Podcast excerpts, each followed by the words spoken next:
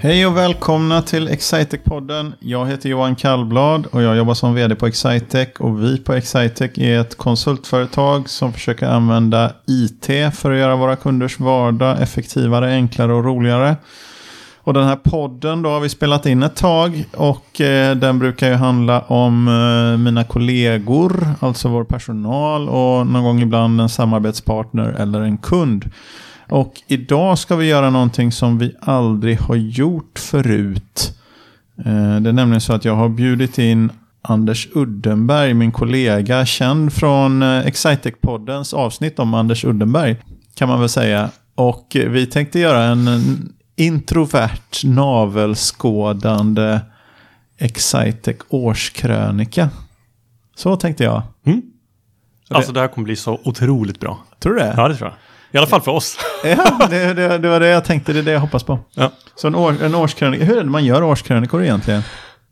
Ja, du börjar i januari, slutar i december kanske. Man bara plockar, Ja. plockar igenom. Det tror jag. Ja. Jag tycker att våra poddar, eh, de här Excitec-poddarna, de är ju inte liksom typiska... De är inte riktigt typiska tidsdokument på det sättet. För man pratar ju mer om människor än om Mm. händelser. Så att det går ju inte... Ett alternativ är att vi bara klipper ihop liksom, från tidigare poddar.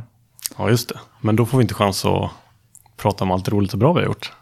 Nej, det är Alltså sant. liksom lite... Det kanske hade gått om man gör det som en verklig insats. Men, Ja. men eh, i alla fall då, så jag, jag, eh, vi tittade ju, vi har ett eh, internt nyhetsbrev ju, Mm. som heter Intrakollen. Som går ut varje månad, som är ganska distribuerat då, där eh, de som är ansvariga för olika områden skriver om vad som de tyckte var viktigast senaste månaden och månaden som kommer. Så det var väl det, jag använde Intrakollen som ett verktyg för att tänka igenom året som var. Så, Ja, jag, jag sa ju att det var en bra idé. Alltså i sedvanlig ordning så fick man väl ungefär 5-6 minuter förberedelser ja, för att sitta här då. Men det var väl en bra utgångspunkt. Jag har gjort samma sak. Eh, Jag har spånat lite på dem där. Eller tittat lite på dem och sen har man gjort lite reflektioner. ja. Um, jag tror det blir... Ja. Jag tror vi har. Jag har en sida här som jag tänkte jag skulle prata Ja, om. du har det. Jag, vi sa aldrig riktigt så här, jag tänkte, för att jag ville då spara tid och vara effektiv och så pratade jag om det, så tänkte jag, jag, tar, jag läser varannan istället. Jag behöver inte läsa varje intrakoll, utan jag läser varannan och Ja, ser vilket tema jag hittar. Så jag börjar på, jag börjar på januari. Har du också börjat på januari? Började på... Ja, jag började läsa i januari. Ja. Ehm, Men vi tar, ska vi, ska vi se, minns vi något? Jag har, eh, jag har ju ett januari, jag tar det enkla Ja, kör, först. kör. Vi hade ju, jag kommer ihåg vår kick-off med Gatsby-tema i, Ja, just i. Sunlight i Nyköping. Mm, just det. Jag med. Ja. Ehm, då minns jag, då, kommer ihåg, då sjöng jag. Då sjöng du? Ja, det var ju... Jag var ju pappaledig precis innan. Ja. Så då gick jag hemma där sista två veckorna innan och tänkte nu ska jag sjunga. Mm. Ehm, så tränade in en låt med min dotter där hemma på... När jag gick runt i köket. Det skulle kunna bli sångpremiär på Excitec-podden. Ja, det skulle kunna bli, men det blir tyvärr inte det idag. inte den här gången heller. Nej, det var fantastiskt dåligt, men eh, ja, ja, jag har gjort det i alla fall. Mm, det var charmigt. Vi, Ja. eh, säger jag. Nej, men, eh, vi, hade, vi hade Fredrik Strage, Mm. kommer du ihåg det? Ja, det kommer jag ihåg. Ja, det kommer jag ihåg. Och han gjorde otroligt snygga hårdrockströjor med, han tyckte att vår, vår logga, alltså Fredrik Strage, kulturjournalist, musikjournalist från, eh, som skriver mycket i Dagens Nyheter och är med på TV4 ibland. Lite smal i sin smak kanske, kan man säga ibland. Men han tyckte inte att vi var tillräckligt metal, våran logotyp, så han gjorde två In the Style of Kiss och In the Style of Iron Maiden. Ja, just det. Hade inte han antingen två grejer? Antingen skulle man köra en metal-logga eller så skulle man köra en eh, typ leksaksaffärslogga, va? Var Jo, inte det grejen? sant. Ja. Det skulle stå ut. Han hade skrivit sin dotters namn, tatuerat in det i Dolly Style. Ja, just det. Dolly Style. På armen, en riktig tatuering. Ja, Det, nu blir det introvert och härligt tycker jag. verkligen. Det fanns ju en koppling till, kommer du ihåg det här, till eh, Fredrik Strage. Varför just Fredrik Strage? Ja, det finns flera kopplingar, men, men eh, en anledning. Vi hade ju en tidigare föreläsare som refererade till Fredrik Strage. Det var lite battle, va? Om inte jag minns fel. Ja, det stämmer. Eh, det var Petter var det tänkt på. Yes. Och när hade vi han då? Det var sommaren innan kanske. Ja, det var nog ett och ett halvt år innan vi var i Sandhamn. Ja, just det. Eh, Då pratade han om det här med att använda publicitet och PR till att skapa sitt, eh, jag tror att, ska, att jobba med sitt eget varumärke och sånt. För honom hade man haft en beef som man har på, i hiphopvärlden. Mm. Han och Petter och eh, Fredrik Strage hade haft en beef kring hur Fredrik Strage hade recenserat hans, hans första skiva tror jag. På ett inte tillräckligt fördelaktigt sätt. Just det. Men, eh, ja, men så det var, det var januari. Gatsby-tema, vad betyder det då? Ja, just det. Vad, vad var det då? Vi hade 1920-talskläder, va? Var inte det poängen? Jag tyckte vi levererade bra på den. Det var Eh, jättekul. Det var, det var fantastiska grejer. Ja. Den var lyckad. Det var mycket sådana här boaorms eh, typ Ja, av eh, exakt. fläder, eh, eller vad heter det? Fjäderplymer och sånt där. Exakt. Ja. Som, som, jag hade smoking. Hade du smoking? Nej, jag lånade min grannes jaktstuss. Ja. Alltså sån här tweed, eller vad heter det det? den, den typen av kläder. Mm, mm. Ehm, jag får inte köpa ändå, så att, eh, då fick jag låna grannens, äntligen. Just det. Ehm, ja, Var det varmt? det var varmt, ja. Mm. Började med alla kläder, slutade med eh, lite mindre kläder. Inte helt utan kläder. Nej. Lite mindre kläder. Ja. Vi dansade, det var ju en sån, det för väl var, alltså, det var ju ingen sån här med stor, eh, liksom, swimmingpoolområde inomhus eller något sånt där som vi fick börja, utan det var ju bara en stor plats egentligen. Det är en gammal tvålfabrik den där tror jag, Sunlight. Det är någon sån här, typ Just Unilever eller något har haft den. De hade ju massa bilar och grejer. Det, men har det kommit sen? Industri... Ja, eh, jag vet inte varför de hade det. Det är nog bara en bilutställning där av Ah, någon okej. anledning. Möjligtvis, det finns ju en koppling till Saab har ju haft ganska mycket i Nyköping, tror Mhm. jag. Men det var ju inte Saabar de hade där. Men det var ja, en okej. stor lokal. I alla fall. Mm. Ganska fint var det. Mm. Det var ett bra ställe för oss att kicka upp på. Vi var ensamma på stället också. Så det, Det var lämpligt. Mm. Jaha, januari tog du alltså. Yes, det var mitt minne från januari. Det var mitt, ditt minne från januari. Mitt minne från januari, då jag var, kom hem, jag var ju pappaledig precis innan. Ja, Eh, om jag får vara lite personlig där då. Så, så var det att eh, jag tänkte så här, ex- Excitec, man vet inte riktigt vad det blir. Alltså, inte för, i alla fall så det har varit för mig då. Att eh, jag var pappaledig, tänkte jag skulle komma tillbaks. Uh, och sen så ringde ju du mig eh, en stund innan vi skulle, jag skulle komma tillbaka i januari. Så sa du så här, du vill åka till Uppsala? Ja, men jag vill åka till Uppsala. Uh, vi ska köpa ett bolag. Uh, så gjorde vi det. Så januari för mig var ju ganska mycket komma tillbaka till jobbet, liksom efter att ha såsat ner totalt hemma. kan man väl säga. Uh, ungefär lärt mig en låt där, halvt. Uh, och sen komma tillbaks då och sen inte göra det jag trodde jag skulle göra, utan vara i Uppsala en stor del av veckorna.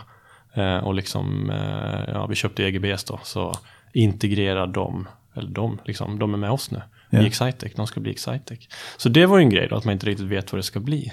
Eh, Så januari var mycket med det, omställningen. Liksom Ja. för mig och för, och för oss blev det väl att vi köpte, köpte ett bolag i januari. Eller vi köpte väl i december, men det blev väl framförallt, de var med på kick-off Ja, för första gången. Precis. så. Det var då vi Stämmer. började bli, bli ett. Mm. Så den var väl rätt mycket för, för januari där då. Som jag tänker på. Då får du ta februari nu. Då får jag ta februari, men jag har inte, jag har inte riktigt eh, liksom eh, strukturerat upp det sådär faktiskt. Eh, Får jag inte ta en lite mer övergripande grej då? Okej, göra. Ja, men jättebra. Jag tänkte så här, om vi tittar årskrönika, vad blev året 2018? En rolig grej som jag vill ta fram, det är att året blev det året då, då leads och deals blev en grej. Ja, för- i alla fall väldigt mycket på leverans. Har man varit på sälj så då, då är det väl sälj som vanligt då. Ja. Men inom leverans och liksom hur vi har jobbat med leads och deals har varit en grej. Och vi har pratat om det sådär eh, länge. Men det var året när vi liksom fick ett verktyg för att följa upp det här. Vi har liksom satt processer hur man registrerar leads och vem som tar hand om det, hur det fördelas och sådär. Och också det året jag tycker att vi har pratat om att vi i leverans, alltså vi gör väl alltid mycket bra och lyssnar på våra kunder och sådär. Men nu faktiskt har det blivit att man på många, många håll och framförallt på senare halvan så har det blivit en jädra skjuts på det här. Att liksom hitta ett lead, se det som ett guldkorn, en skatt någonstans och sen lyfta fram det och så får man faktiskt eh, visa att man har gjort det där lite, eh, alltså det syns någonstans. Någon märker att man gör det där, det är väldigt, väldigt bra. Eh, och vi, ja, någon gång i september tror jag till och med att Lundell skrev att ja men nu har det faktiskt bara kommit in väldigt, väldigt mycket lead. Eh, så att det märks liksom. Vem är Lundell? Ja, våran säljchef Jag Fredrik Lundell. visste vem Lundell Ja, Jag bara sa det. Jag. Men du, en sak som jag eh, undrar över det där, faktiskt Mm. på riktigt då. Jag är, jobbar ju som vd här som, som du vet. Och, eh, eh, och det är bra. Men det, jag bara, ibland så blir man så här osäker på vad som är, eh, på liksom vad som är att man ser att man verkligen gör någonting eller att man bara pratar om det eller, eller ser någonting sådär. För jag, jag håller med om att jag också ser de här leadsen mer. Det uppmärksammas mer och delar av det handlar ju om att vi har fått, eh, alla har fått tillgång till CRM-systemet. Ju. Det Mm. finns så här, man har, CRM-system betyder, det är så här vanlig IT trebokstavsförkortning. Customer Relationship Management står det Mm. inte. Alltså kundrelationshanteringssystem. Mm. Men oftast så brukar man ju säga säljstödsystem. Men vi, och vi har haft liksom säljstödssystem som de som jobbar med försäljning. 10-15% av våra anställda har, eh, har använt. Men så, så, så skaffade vi ett nytt eh, system och tyckte då samtidigt som vi gjorde det att alla anställda skulle kunna gå in och kika och sådär. Och eh, eh, jag vet inte om det är det liksom beteendet som har gjort att man, att man ser mer. För det, är liksom jag ser också att det pratas mer om affärsmöjligheter och sånt. Mm. Men jag vet inte om det är, det är, det är mest systemmässigt som jag ser det då. Ja, men eh, alltså om jag får spekulera så tror jag det har att göra med dels det, att man kan komma in och titta på det. Dels så syns det i våran chatt nu liksom, att Ja. så, nu kommer ett lead, nu kommer en deal. Och där börjar folk prata och säga, oh by the way, jag vet någonting om det här. Eller ska vi inte också göra det här till den kunden? Och det där sprider sig lite grann. Jag tror att folk märker det. Det är min känsla att, okej, Mm. om alla pratar om det så då borde jag också göra det. Ungefär den, den det är ju enkla. väldigt bra. För det, det enkelt. finns ju ingen som... För ofta, det, så här är det ju. Ibland är det i ett företag så har man liksom säljare som... Vi, vi gör inte så mycket av det här men det förekommer liksom att man har säljare som ringer ut. Även om jag känner att jag har en bra grej för att optimera lagernivåer. Så därför ringer jag till sådana som jag tror har problem med optimering av lagernivåer. Och så vill jag berätta om min grej. Saken är den att de... Ganska ofta så ringer jag till fel person. Mm. Och det här är inte ett viktigt affärsproblem för den personen. För jag har för lite information egentligen. Jag bara tänker, ah, men någon av de här 25 borde ju kunna vilja optimera sina lagernivåer. Så jag ringer alla 25. Och, och sedan är det dessutom så, även om du ringer rätt person och pratar om något intressant så är det inte säkert att den personen har tid att prata då. Eller ens har det på agendan. Den kanske gör något helt annat. Så, att- så att det blir liksom lite störigt med säljare som ringer ut och berättar om någonting som de tror att du är intresserad av. Även om det är välment liksom. Mm. Så det blir lite störigt. Ehm, och det är ju så att den kvaliteten som vi får när det istället är så att någon av våra anställda säger att ja, men jag vet att de här har problem med sina lagernivåer. Jag vet att det är Tord och jag vet att det är, är si och så. Kan vi inte göra något för att hjälpa till? Alltså det blir mycket högre effektivitet för oss som vi kan ringa. Och, och mycket mindre sådana här störiga samtal där en säljare ringer någon som inte vill prata med.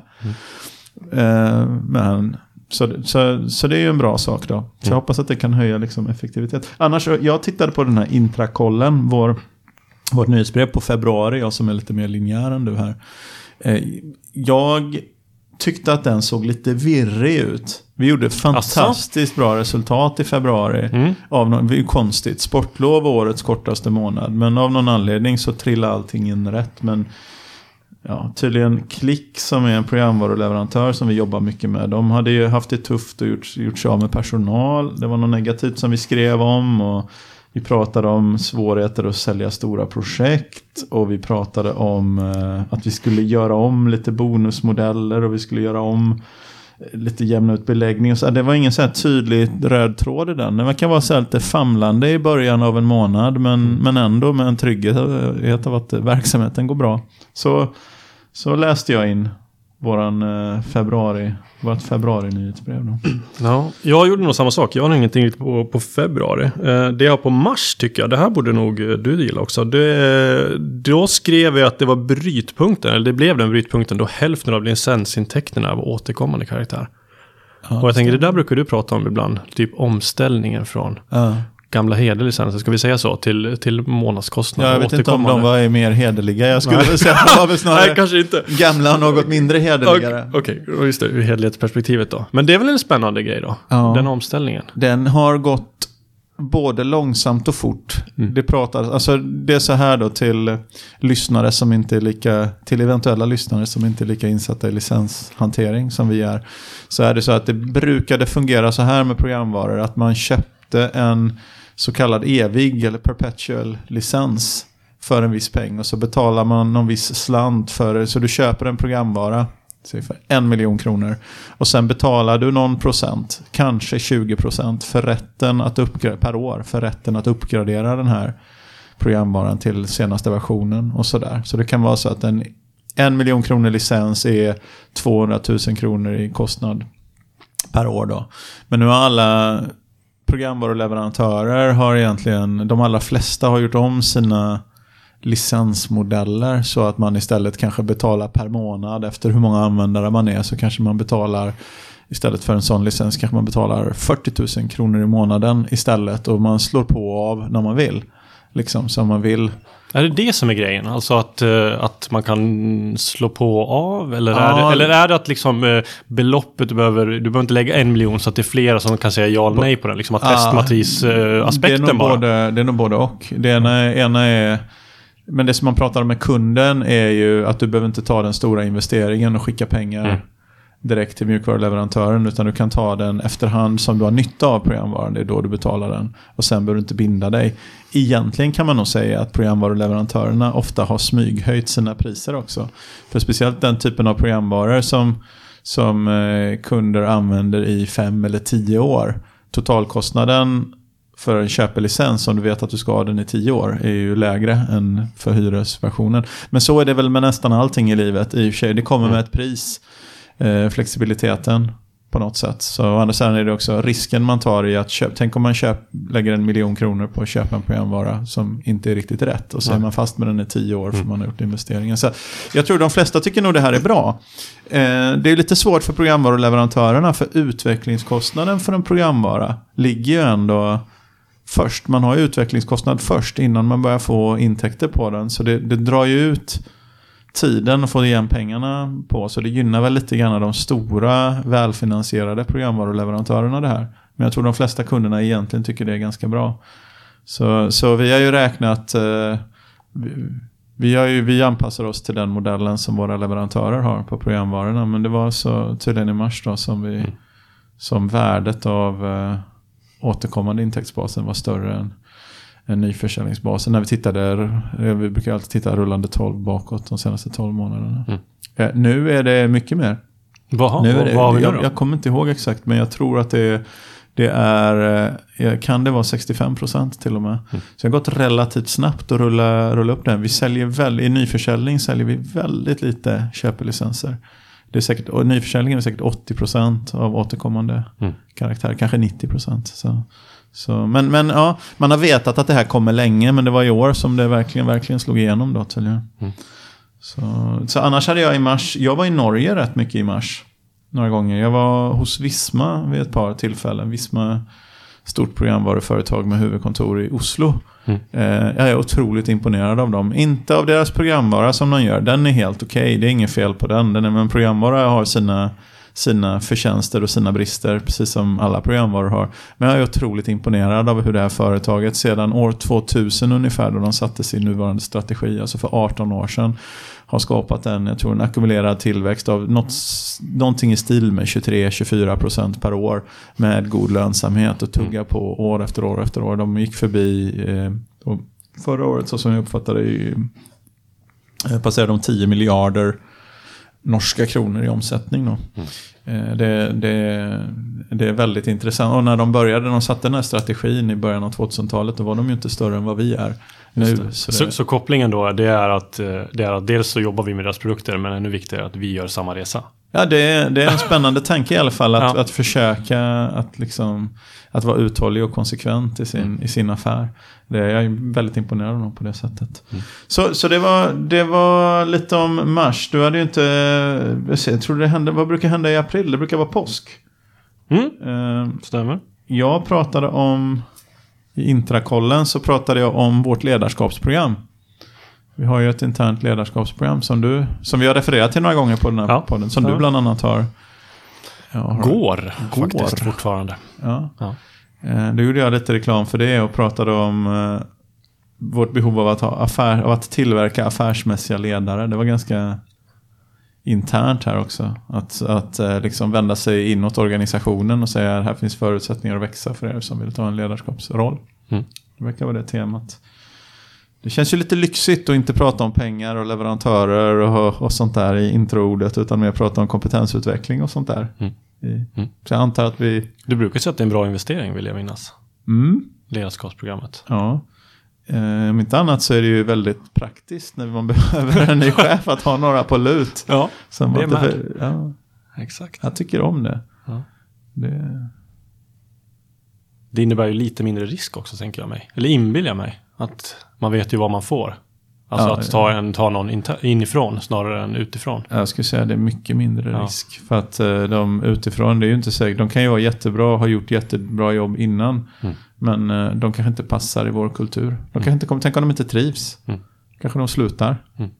Och så vidare. Så det, jag tycker att det är klart mindre risk. Dessutom, sen är det ju roligt också om folk som presterar bra internt får chansen. Har första tjing på de nya, på de nya chefs... Eh, eh, tjänsten och så. När vi är ett växande företag så går det ju åt. Mm. Lite nya roller och ansvarsroller och sånt där. Och, och att, att ge första chansen till dem, till människor som har presterat bra i en annan roll, det, är ju, det känns ju helt rätt tycker jag. Mm. Mm. Sen tänker jag att det är billigare också. Ja. Nej, det är nog inte, totalekonomin är nog inte billigare eftersom det kostar också att utbilda människor. Men eh, ja, det är klart. Men vi kan göra det till löneförhandling. exakt, ja, du kan lägga på det som en löneförmån. Exakt. Annars så, minns jag inte så mycket vad vi gjorde i april faktiskt. Nej, april var bra väder och sånt där. Men, ja, Ja, I maj kommer jag ihåg att det var bra väder. maj var det bra väder. Ja, det kanske var i april. Men du, i maj har jag en grej. Eh, nu sitter jag med datorn framför mig här. Alltså dels nummer ett, eh, det är att då plötsligt har vi vår nya grafiska profil. det var inte det, det viktiga. Kom, ja, var det nya webben då? eller? Ja, och nya Intracols eh, f- eh, looken. Sen tror jag, ve- vet inte riktigt när webben kom Den faktiskt. kom kanske i april då. Ja, den kanske var någonstans där kring. Men, men det som jag tänkte var, det var att jag faktiskt skulle citera vad du skrev här. För det tycker jag sammanfattar eh, året ganska så bra.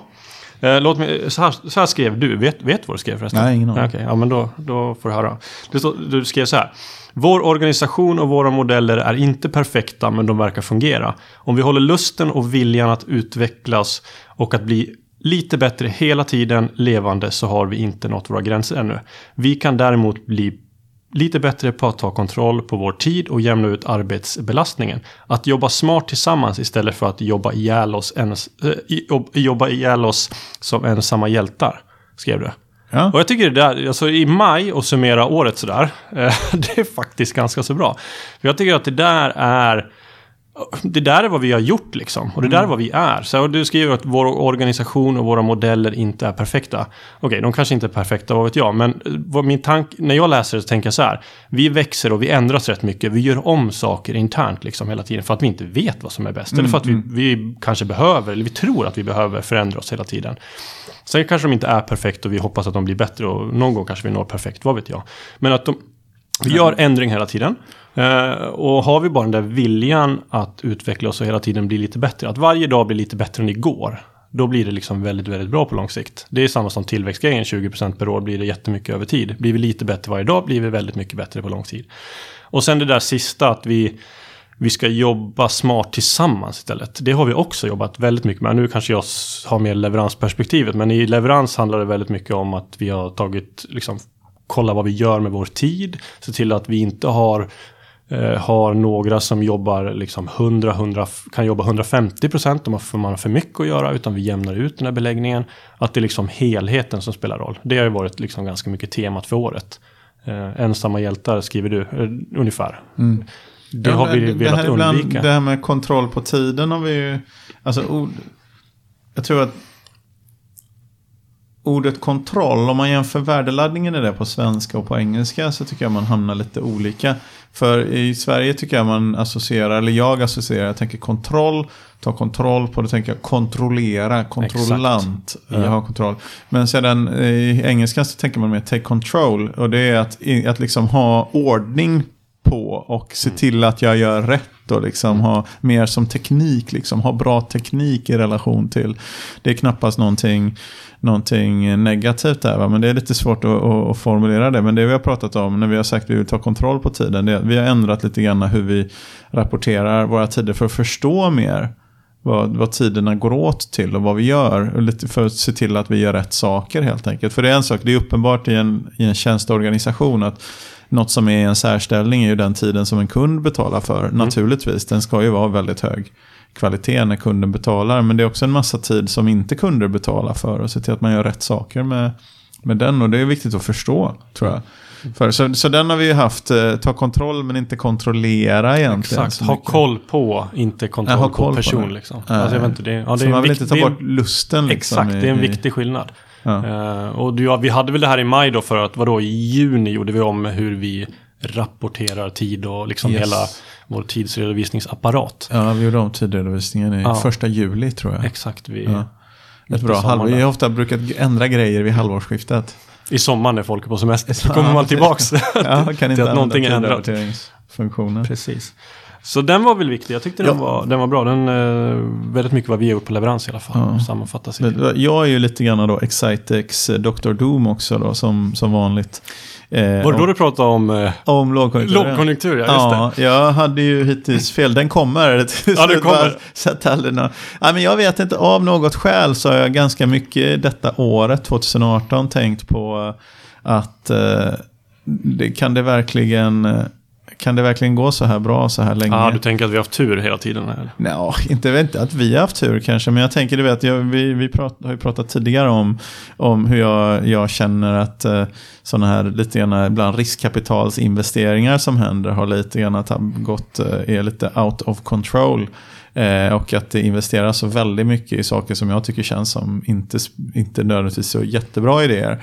Eh, men det är ju inte min sak, för jag håller inte på att investera i riskkapital grejer då. Men, men jag bara funderar på, som, för jag har så tydliga minnen från det som hände 1998 och 99 när internet var nytt och det var hype kring e-handel. Men sen liksom världen var inte där och det östes in pengar. Och man säger det spelar ingen roll om du tjänar pengar för det, det handlar om att ta marknadsandel nu. Och sen två år senare så var 90% av de här bolagen fanns inte längre. Liksom. Så jag tyckte, jag kände lite sån, lite rök. Lite rök, jag sniffar här, det är bra radio. Eh, så, så här, kände lite, kände att någonting känns inte helt rätt. Så därför har jag några gånger velat så här, mana till eftertanke och eh, försiktighet under året. Eh, men jag har väl haft helt fel verkar det som. Eller hur? I, i, för jag har manat till lite grann försiktighet i vad vi, så att vi lägger pengar på rätt saker, att vi gör rätt saker mot kunderna, att vi har rätt kunder och att vi, att vi stöttar dem med sånt som verkligen ger effekt och inte låta oss dra, dra iväg i någon form av liksom, övergripande så här digitaliseringsambition som inte är kopplad till kronor och ören och sånt. Utan jag har försökt hålla oss liksom, jordnära i våra, i våra val och sånt. Men det verkar som jag har haft fel för det mesta. Det verkar som det, det har då inte blivit någon lågkonjunktur.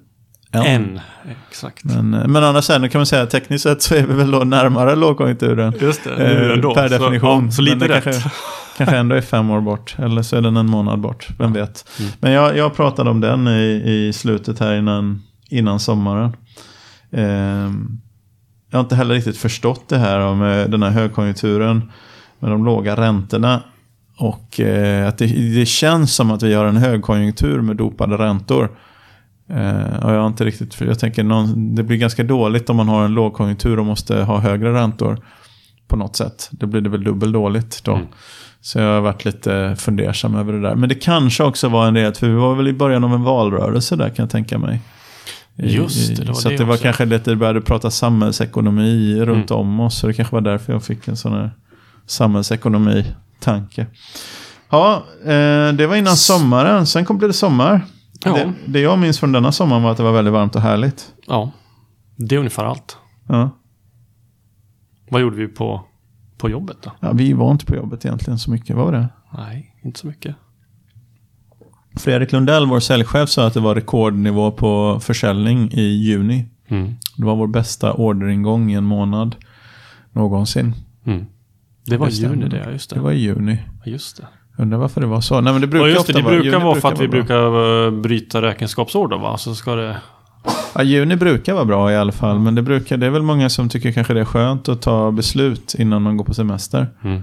Så man kanske även förlorar mycket affärer i juni. Just. Du, gjorde vi inte största affären där före sommaren? Eller Uffe gjorde ju någon stor... Ja, Och hjälp mig nu, nu, jag vet att han gjorde en stor, för han pratade om det ja, någon gång det på var, kontoret. Ja, precis. Vi gjorde några riktigt sådana stora affärer. På, framförallt, det var lite på bygg och entreprenad och anläggningssidan där. Det verkar hända digitalisering inom, inom den sektorn. Så vi gjorde flera affärer på, på olika slags bygg och entreprenadbolag som normalt sett har varit väldigt låg automatiserade. De förlitar sig på IT väldigt lite.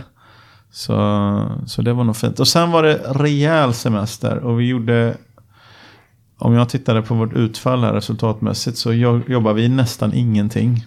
Men det var väl rätt prioritering, tycker jag. Vi skrev inte ens någon nyhetsbrev i juli. Så lugnt var det. det. kan ju ge en hint. Ja, precis. Det var, jag tror vi gjorde annat och jag tror vi gjorde rätt i det. För att eh, den här sommaren vet man ju inte när man... Ska vi ta augusti då? Det tycker är vi jag. där? Då är det det mest uppenbara någonsin. Vi gjorde det största traineeprogrammet vi någonsin har gjort i företagets historia. Startade ju då. Det stämmer. Det är väl, ja, 21 va? 21 personer. 21. Ja, Augusti. augusti. Nu har man ju vant sig. Nu tycker man inte... Så många är de inte. Nej, precis. De är kvar, alla 21 faktiskt. Ja, det är de. Det bör de vara efter, eftersom traineeprogrammet är... Vi är mitt i det. Ja, det är vi. Ett par månader kvar i alla I fall. mitten av december nu när vi sitter och pratar här. Mm. Ja, Det var augusti det. augusti. Det är bara halva augusti i princip. Som är något. Nej, Ja, det är sant. Första det. halvan var det fortfarande varmt och härligt. Vi var, kommer du ihåg, apropå valrörelse, kommer du ihåg vad vi var på? Vi hade en kick-off igen där. Mm. Det kommer jag ihåg. Bommersvik va? Var inte det Bommersvik. sossarnas eh, SSUs kursgård. SSU var det? Mm. Jajamän, deras ungdomsförbund. Mm. Det var ganska fint. Inte boendet var ganska enkelt, i alla fall det jag. Ja, det var det. Men det låg vackert, kommer jag ihåg. Ja, väldigt vackert vid... Ja, du. Sörmland var vi i alla fall. Ja. Men sen får du nog zooma in åt mig. Ja, nej, men det var ute, utanför Järna någonstans. Ja, just det. Eh, vid sjön. Ja, den heter nog Bommern tror jag. Mm. Men eh, Bommersvik, det är skäligt namn i så fall. Mm. Ja, det var fint. Eh, fin kickoff, mycket folk. Aldrig varit så mycket folk på en kickoff förut. Aldrig varit i närheten av så mycket folk. Alltså Men det är ju fördelen med när vi växlar hela tiden. Ja, det, det det, blir- är väldigt det lätt att slå rekord. Ja, de rekorden slår vi ofta Exakt. Typ de flesta, för det mesta. Exakt, precis. Det, man får se det. Om vi gör en kickoff där det inte är rekordmånga på, då har vi nog valt något riktigt dåligt. Ja, det har vi gjort något ställe. riktigt dåligt. Ja. Ja. Men du, september då, på tal om rekord. Eh, Mm. då hade vi faktiskt rekord i antal segertåg. Ja, Och segertåg, alltså det vi mejlar ut när vi vunnit en affär. Jag funderar på om vi gjorde ännu bättre i september än vad vi gjorde i juni då. Kanske i och för sig i antal inte samma som i volym då förstås. det är viss skillnad. men det är nog så att oktober, för det kommer nog efter, för, för, för Fredrik möter ju mycket licens, programvaruförsäljning. Mm. Programvaruförsäljningen, intäkterna från programvaruförsäljning i oktober vet jag var den bästa månaden någonsin som inte är december. Okej. Och det är antagligen affärer i september ger nog intäkter i oktober, tror jag. Eh, och sen, eh, men december är något alldeles speciellt för många av de här åter, det finns en hel del av sådana licenser av återkommande karaktär som ligger på ett års, eh, som ligger liksom normerade runt årsskiftet. Så december tenderar att alltid vara, vara extra mycket. Så december brukar alltid vara rekorden. Men det var en väldigt, väldigt bra månad ekonomiskt i oktober. Och det be- betyder säkert att vi sålde Gjorde mycket affärer i september. Mm. Jag tror. Eh, annars så minns ju jag att vi var på Näringslivsgalan Ja, i Linköping och fick pris som årets tillväxtföretag i Linköpings kommun. Det låter lite smalt men vi är ju, jag är ju Linköpingsbo va? Så att, så att det är ändå eh, ganska roligt. Eller väldigt roligt. Mm. På, och man, som jag sa till några kollegor, om man är nominerad till priset så, så vill man ju helst bli finalist. Och är man finalist så är det allra roligast om man vinner. Och, och det gjorde ju vi då. Så det, var, det tyckte jag. Mm. Det var lite härligt. Jag har refererat till det till flera poddar. Men vi blev faktiskt lite stolta. Det är också lite introvert. Det spelar väl inte så stor roll egentligen. Men det är alltid lite kul. Det är alltid kul att vinna. Ja, men det är lite kul att bli uppmärksammad för, eh, för det som man gör och att man har gjort något eh, bra. Vi ägnar inte, vi känner oss inte så lokala ju. Vi har mycket anställda i Linköping men vi, vi lägger ju inte så stor del av vår energi på den lokala marknaden och framförallt kanske inte på att umgås med den typen av människor som utser den typen av priser utan vi, vi bara råkar ju bo och verka där. Vi, det är ju inte vår primärmarknad egentligen. Då. Nej. Så det tyckte jag, det minns jag som roligt. Ja, september, vet du vad en till rolig grej som vi gjorde där? Då gjorde vi Team Rushmore.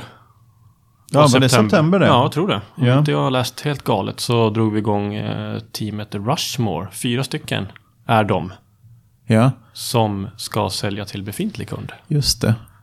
Vi säljer ju, det var, ja precis, du pratade om leads och affärsmöjligheter och sånt. precis. Vår sälj, vi har haft en, vi har ju en säljstyrka och den är, ju- de är 10-11 personer tror jag. Det är det som Fredrik som vi nämnde flera gånger.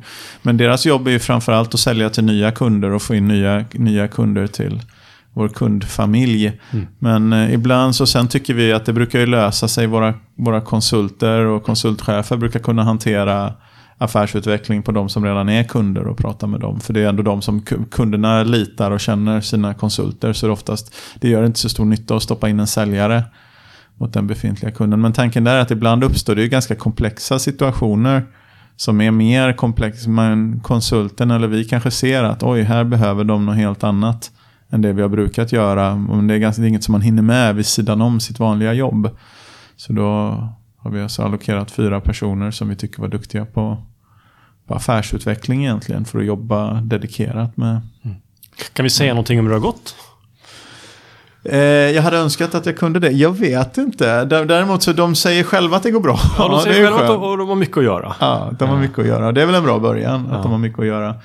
Eh, jag vet inte hur det har gått ännu så länge. Jag tror att de, eh, de har legat, Magnus som är, som är ansvarig för det teamet, han säger att jag tror det var några av hans tre, eller två eller tre av hans fyra inklusive honom själv, låg, låg på toppen i, i hur mycket hur mycket signade avtal de hade. Mm. Eller något sånt. Men mm. det är nog för tidigt att uttala sig. Mm. Det ska vara för tidigt att uttala sig. Mm. Men eh, några. Men det fina är ju där, för att koppla tillbaka till deals och leads då, att det blir leads som kommer in från, från liksom befintlig organisation sker ju av ganska uppenbara skäl mycket på befintlig kund. Mm. Och då finns det liksom en naturlig mottagare till de här ja. leadsen som är det här teamet då. Så det finns ju en, en, liksom en finhet i det där som jag tycker vi har skapat. Ja. Det, jag, är, vet du vad, jag halvskäms över att det tog oss så här många år alltså. att komma på att vi skulle ha det här. Ja. Eh, vi får väl se hur det går, men jag tänker det känns ju ganska naturligt om man är, vi vet ju att vi har haft kanske varje år så är ju bara 25% av det vi gör är, nya, är arbete mot nya kunder och 75% är ja. arbete mot sådana som redan, vi redan kände i början av varje år. Så att, mm. att säga att vi skulle ägna en del av vår säljkraft på att driva, nej, att driva affärer på befintliga eh, befintliga kunder. Det är lite som att säga, du vet, men vi säger med rekrytering, då jobbar ju vår leveransorganisation, ni jobbar ju mycket med att få in personal. Det är lite mm. som att säga att om vi har Ja. Om vi har hälften av våra ansökningar, om de kommer från Linköpings universitet, så är det lite som att säga att att vi tidigare har sagt, ja men den har vi ju koll på, vi får ju redan så mycket ansökningar där, så vi struntar i, och, i att anstränga oss eh, till att säga att oj, vad mycket ansökningar, här borde vi ju liksom gräva lite koncentrerat. Mm. Eh, och det är antagligen, eh, det känns ju just nu som att det var en ganska bra idé. Mm. Men eh, resultaten dröjer väl lite grann. Men eh, samma sak där, det ska inte vara någon motsättning mellan kundens upplevelse och vårat, vårat behov av intressanta uppdrag. Mm. Tror jag. Så det var september, det var mycket i september. Jag, någon gång då, så jag får, får ta en specifik affär här. Inte, inte affär som, utan i vår affärsverksamhet. Men vi passerade en miljon fakturor per år i vår fakturahanteringstjänst som är en programvara från Medius ett annat Linköpingsföretag som vi använder för att automatisera fakturaflöden. Och de, vi, vi, vi eh, passerade en årsvolym av en miljon fakturor. Så de kom och bjöd på tårtor på vårt kontor. Ja, just det. Ja, det minns jag. Medius-tårtor. Ja. Mm. Det hade jag med. Årets partner blev vi också. I, men det var nog typ för fjärde året i rad. Eller någonting i den stilen. Så. Men det, är det är fortfarande lika kul att vinna. Ja, det är fortfarande. Om det ändå är en tävling så. Ja. Exakt. Jaha, sen då? Oktober? närma oss slutet på året. Oktober vet jag ju var bra för att eh, oktober gjorde vi, vår, oktober var en fantastisk konsultmånad för alla konsultföretag. Mm. 23 arbetsdagar och inga semestrar så långt ögat kan nå. En del tar ju lite ledigt för det är slutet på oktober. Är det, mm. ja, det är ju sån här uh, höstlov och så i skolorna. Mm. Men, uh, ja men det märks. Det, blir, det finns mer att göra och alla har ja. alltså, alla har att göra. Ja, det, så, det, är roligt. Ja, vi, vi eh, hade, jag såg det och dessutom var det, hade vi försäljning åt bra i september, pratade de om. Så att vi hade, vi hade rekordintäkter, det blir introvert här, men vi hade våra högsta intäkter någonsin i en månad och faktiskt vårt bästa resultat någonsin i en månad. Men det är inte så konstigt att det hände just i oktober eftersom det var så många arbetsdagar och så få. Det var grått och eländigt och regnigt och det fanns inte så mycket annat att göra än att, än, att, jobba på. Om man hade haft så solig sommar så folk hade inte börjat hunna ta solsemestrar ännu för det hade varit så soligt och varmt på sommaren så jag tror att det och man har inga pengar heller efter en lång sommar så att man de flesta då kan man jobba. Stretade på. Ja. Så en väldigt, väldigt bra arbetsgivarmånad faktiskt. November har jag en grej. Vet du vad jag... Ja, jag tror jag vet vad du har, Ja, men du kan ju ta den. Nej, men ta den du. Ja, jag vet inte. Det, vi skrev ju att någonting eh, spännande vi gjorde. Vi gjorde ju ett, ett förvärv i början på året och ett annat Ja. ganska nyligen då. Vi, precis, vi var ute och svajade lite. Det här tar ju mer tid än vad det verkar som. Eller jag vet inte vad det verkar som, men det tar rätt så mycket att göra sådana här affärer och pr- pr- prata med andra företag, bolagsaffärer och sånt. Det är ju ganska komplexa processer då. Eh, som, som bygger på att, liksom, att alla part, antingen att en part har otroligt mycket pengar och brinner och efter glädjen att få göra av med dem. Men oftast på att båda parterna ser ett gemensamt värde i att hitta ett samarbete. Och den här är lite, lite speciell då, för vi har för första gången eh, etablerat en verksamhet utanför Sverige. Och det är då Danmark där vi har hittat en part som vi vill samarbeta med. Så vi har tillsammans med tidigare ledningen egentligen på ett företag som heter iAdvice i Århus så har vi eh, investerat där och eh, satt upp det så att vi äger eh, lite drygt 50% av bolaget och tidigare ledningen äger lite knappt då. Och vi ska tillsammans försöka bygga upp en Excitec-liknande verksamhet i Danmark utan att ta den på den lokala kulturen och den lokala strukturen och ledarskapet de, de har. Så det är ett flerårsprojekt som vi har initierat då. Någon slags joint venture. Du, brukar man inte säga att det är lite annorlunda affärskultur i Danmark än Sverige? Jo, man brukar säga det. Ja, vad, vad syftar man på då? Eh, Alltså det, det som folk brukar säga det är ungefär så här att eh, liksom i Danmark är de handelsmän och vi är producenter eller Mm. någonting i den stilen i, i Sverige. Det, det är det traditionella och också att eh, danskar säger man, av vad jag har hört, de förhandlar hela vägen in i ända tills liksom det är klart. Man, man, eh, man förhandlar mycket längre och mycket senare i en process. Jag vet inte om jag kände att det var så i detta fallet. Nu, det, nu var detta inte i Köpenhamn utan det var i Århus som är ändå en ganska stor stad. 300-400 000 invånare. Men, men säg att den är annorlunda. Eller det, var, det kändes som den var så stor. Jag har faktiskt inte kollat. Men den är rätt så stor. Ehm, men ehm, det, det, jag upplevde det det, det är alltså möjligt att det är skillnad på Köpenhamn och eh, Århus. Eh, och, och liksom lokal affärskultur. Vi upplevde nog inte att de förhandlade så mycket. Utan de var, visst lite positionsförflyttning är det ju alltid. Men det, det är det ofta när man blandar in advokater i processer. Så blir det mycket liksom köpslående om, om små saker som inte är så viktiga. Eh, ofta. Men eh, eller tycker jag. Det blir så princip, man kan låsa sig i principfrågor om ansvar och risk och sånt där. Men jag tyckte i det stora hela att, att processen, den var inte jätteolik hur det brukar vara i Sverige faktiskt. Mm. Så, så de var professionella och bra att ha att göra med, tycker jag. Mm. Så annars hade vi ju inte gjort det. Liksom. Jag har faktiskt mejlat lite med dem. Jag bara drog iväg mejl sådär. De verkar rätt sköna de här. Ja. Jag mejlade de här tre som tror jag äger. Jag vet inte riktigt hur Ja, det är. De, ja, ja. Tre partners där i alla Ja, fall. ja, det stämmer. Eh, Så jag tror att eh, det kommer bli rätt kul. eh, Och rätt bra faktiskt. Ja, Deras webb där skvallrar ju lite om också om vad de hade. De hade ju Deadpool där på, på sin... Som Ja, under det, kontakt där till exempel. ja, ja, Så det är bra. ja. Det, Men de är som vanligt de är mindre, väsentligt mindre än vad vi är. Men det, det är liksom, när man är mindre så är det, då gör man, man har kanske inte riktigt hittat det där, det här, det här vi gör. Utan man gör lite allt möjligt Mm, mm. som verkar gå bra. Men de har varit duktiga, de har vuxit, de har tjänat pengar. Eh, de verkar liksom kunna göra något som är lite mer sådär, pekar de lite mer i rätt i, eller i den riktning som vi har erfarenhet av är bra. Det kan ju vara rätt och fel på olika lokala marknader. Men Mm. liksom att vi har gjort så här och det brukar funka så, så ni kan ju göra så. Men vi ska väl låta dem bli sådär mellanintegrerade tror jag. I, så att, så att de, de kan ju den lokala, vi vill ju driva tillsammans med dem. Men sen har vi ju, vi har ju hållit på mycket längre och lärt oss en del saker förhoppningsvis på vägen. Mm. Så det vill vi gärna, gärna dela med oss av och få det här att funka. Så får man säga, det finns en hel del som har dåliga erfarenheter av att göra affärer i Danmark. Jag tror det är det där det har kommit där ryktena att de är handelsmän och, och så vidare. Och, och, men, men jag har också träffat en hel del som, det brukar vara väldigt delat för en hel del som har väldigt bra erfarenhet. För de är affärsmässiga och professionella och så vidare har jag, har jag också hört. Eh, så att eh, vi får väl se. Mm. Men det känns bra. Mm. Men det är ju så, å andra sidan så, så nytt det här att vi, Ja. det var klart hur, i, för någon vecka sedan bara det här. Ja. Så, Jag tror vi är rätt taggade alltså.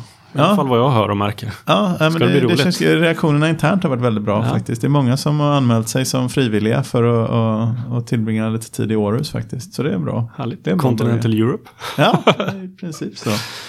Ehm, har vi något mer? Nu är det då liksom, nu är det december när vi sitter här och pratar och vi kan ju inte riktigt summera den månaden eftersom den inte riktigt har gått än. Men vad, hur känns Nej. det?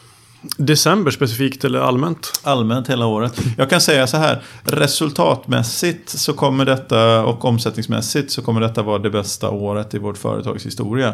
Utan minsta tvekan. Mm. Det, det går, eh, alltså det ska till ett ordentligt stopp alltså i, i, eh, i Ja, men- allt. om- för att december ska hinna bli så dåligt att det inte blir ett Och rekord. jag som har lite koll på pipen i leverans där kan säga att det kommer inte ske. Nej, det kommer vara nog till och med riktigt bra. Ja, det kommer vara riktigt bra december tror Ja, vi får hålla på den här podden tills dess att, budget, att eh, styrelsen har godkänt budgeten för 2019. jag. Exakt. Det är roligt, slå rekord, det är bra när man är tillväxtbolag. Vet du vad, ska vi, har vi glömt någonting eller ska vi säga någonting om 2019? Oj, det kanske är en annan podd. Men Det kanske är en annan podd. Nej, men vi Nej, spekulerar. Vi okej. kan, jag har inte funderat så mycket på 2019. Inte jag heller. Nej. Jag kom på det nu. Jag tänkte, medan du tänker på det kan jag säga någonting som vi glömde som jag är rätt glad att vi inte pratade om. Ja. Kommer ihåg att det var rätt mycket hype om GDPR i början av året? Ja, Ska vi oh. bara, så bra, vi har glömt den. ja. Låt oss inte ta någonting om det. Tänk att vi gör en krönika utan att prata om GDPR. GDPR. Gud vad Oh! härligt. Ja, jag ryser när jag tänkt på det. Men Ja. ja. det kanske är anledningen till att vi inte gjorde så mycket det också. Ja, vi, det, vi la en hel del eh, tid. Men vi gjorde inte så mycket business på det Nej, kan man ju lugnt precis. säga. Nej, det var inte mycket Våra pengar kunder in. kanske känner samma sak som vi känner nu när vi, Ja. när vi tänker Ja. på det. Eh, var det något som inte gick bra? Oh. 2018. Kommer vi ihåg det? Ja, det var väl GDPR då. Ja, Ja, men vi redde nog ut det. Jag har en sak faktiskt. okej. Som inte varit bra. Men den här är, den, jag har två, jag sen har jag, en, ja, jag har två saker faktiskt. Men den första som jag tänkte som, eh, som inte gick bra är att vi har haft, det har ju varit bra tryck i vår industri ganska länge. Vi har haft mer personalomsättning än vad vi har brukat ha. Vi har varit väldigt förskonade från personalomsättning. På, det är alltid så, ibland så blir det människor som inte passar och som inte funkar och som inte trivs och sånt. Och det blir oftast bäst för alla att de slutar. Men i år har det varit en del som har lämnat som faktiskt har trivts bra. Men som, det finns så många möjligheter, så många chanser att göra någonting annat. Så jag har blivit av med en del kollegor. Liksom, vi har haft en rak och fin tillväxt hela året. Så det har inte varit, eh, eh, det har inte varit något som har egentligen har hotat oss. Men jag har hört det här från många andra också. Att det är väldigt, och vi är ju en del i det här. Vi anställer mycket människor. Och då är det en del som försvinner ut. För det finns många andra företag som också anställer. Men som gammal doktorand då måste jag ändå fråga då, liksom så här detalj, eh, detaljperson. Mm. Det är klart, växer vi så blir vi fler. Då borde man procentuellt sett tappa fler. Men alltså när du säger att vi har tappat, är det i antalet eller har vi fortfarande vi har samma pro- pro- procent? Nej, liksom? vi har haft högre procentuell Okej. Mm. personalomsättning. Den har varit uppe, vi har legat på kanske 10% tidigare. och Den har varit uppe på, eh, på 16-17% Mm. någonting. Och sen har den väl, eh, nu har den väl planat ut, gått ner någon, någon, någon liten del. Men sen, vi tittar på rullande 12 då. Mm. Totalen. Sen vet man ju inte innan, liksom, jag kan tänka mig precis som man gärna köper programvaror kanske man gärna tar nytt jobb i december. Vi har ju anställt rätt mycket folk de sista månaderna. My- Mycket mer än vad vi, vi brukar anställa mycket i augusti. Japp.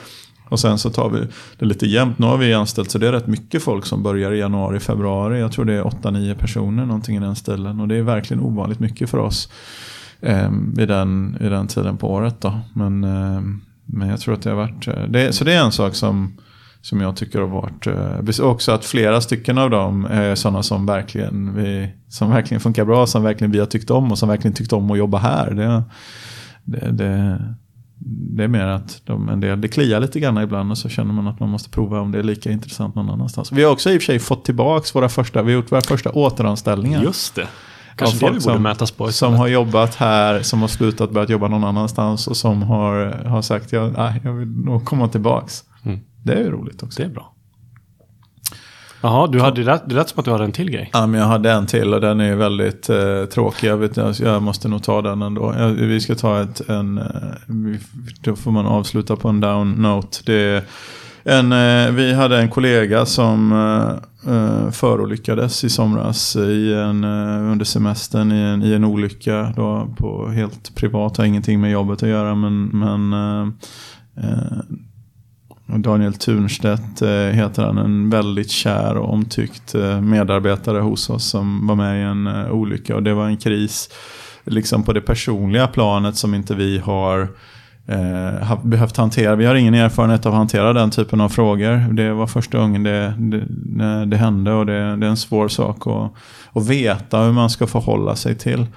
Eh, och eh, ja, jag tycker att det har gått bra men jag, jag, jag, tycker att vi ska ta alla de, om det är kollegor som lyssnar på det här, vi tar när det blir jul och sånt, om vi får ut det här avsnittet innan dess. Vi tar en, en stund och eh, liksom ta hand om de som är nära och kära och också vårda minnet av våran vän och kollega och människa Daniel Turnstedt som inte är hos oss längre tyvärr. Mm. Det var inte så man ska avsluta en podcast kanske. Men, äh, men det, det tycker jag det är, det är någonting som, som eh, vi, när vi funkar som bäst så blir vi lite som, är vi lite som en familj också. Med människor som tycker väldigt mycket om varandra och bryr sig om varandra. Och en sån sak är, var, var djupt och känslosamt för många av oss också. Så väldigt, väldigt galet och en påminnelse om hur, hur ömtåligt eh, livet kan vara då. Man får vara tacksam över hur bra vi har det mm. eh, faktiskt. Då. Och sen, men så avsluta på en positiv not om, om eh, tacksamhet. Då, då. Det, det har varit ett jättefint år verksamhetsmässigt för oss. Vi har aldrig fått så många nya kunder som detta året. Vi har aldrig haft så bra, eh, så stort traineeprogram. Eh, vi har aldrig haft så bra omsättning, vi har aldrig haft så bra ekonomiskt resultat som det vi har. Vi har aldrig funnits på så många orter, vi har vågat kasta oss ut utanför mm. Sverige för första gången. Och det känns ju som eh, att vi har haft ett väldigt, väldigt fint år i den här verksamheten. Mm. Vi är ganska bra riggade för 2019 i alla fall, va? får man väl säga. Så för, jag, förberedda. Ja, det tycker ja. jag. Vem vet vad, vad för, men det gäller liksom vad, att vara vad vi vet om 2019 ja, mjuk i knäna va? Ja. Och, och, och, stå på tå va? och vara mm. beredd på att hantera det som, som 2019 har för oss. Men uh, uh, det känns ju bra. Mm. Det gör det. Ska vi stänga vår krönika på det här? Det tycker jag. Jättebra. Tack, Tack så mycket. Tack för att du ville göra krönika med mig.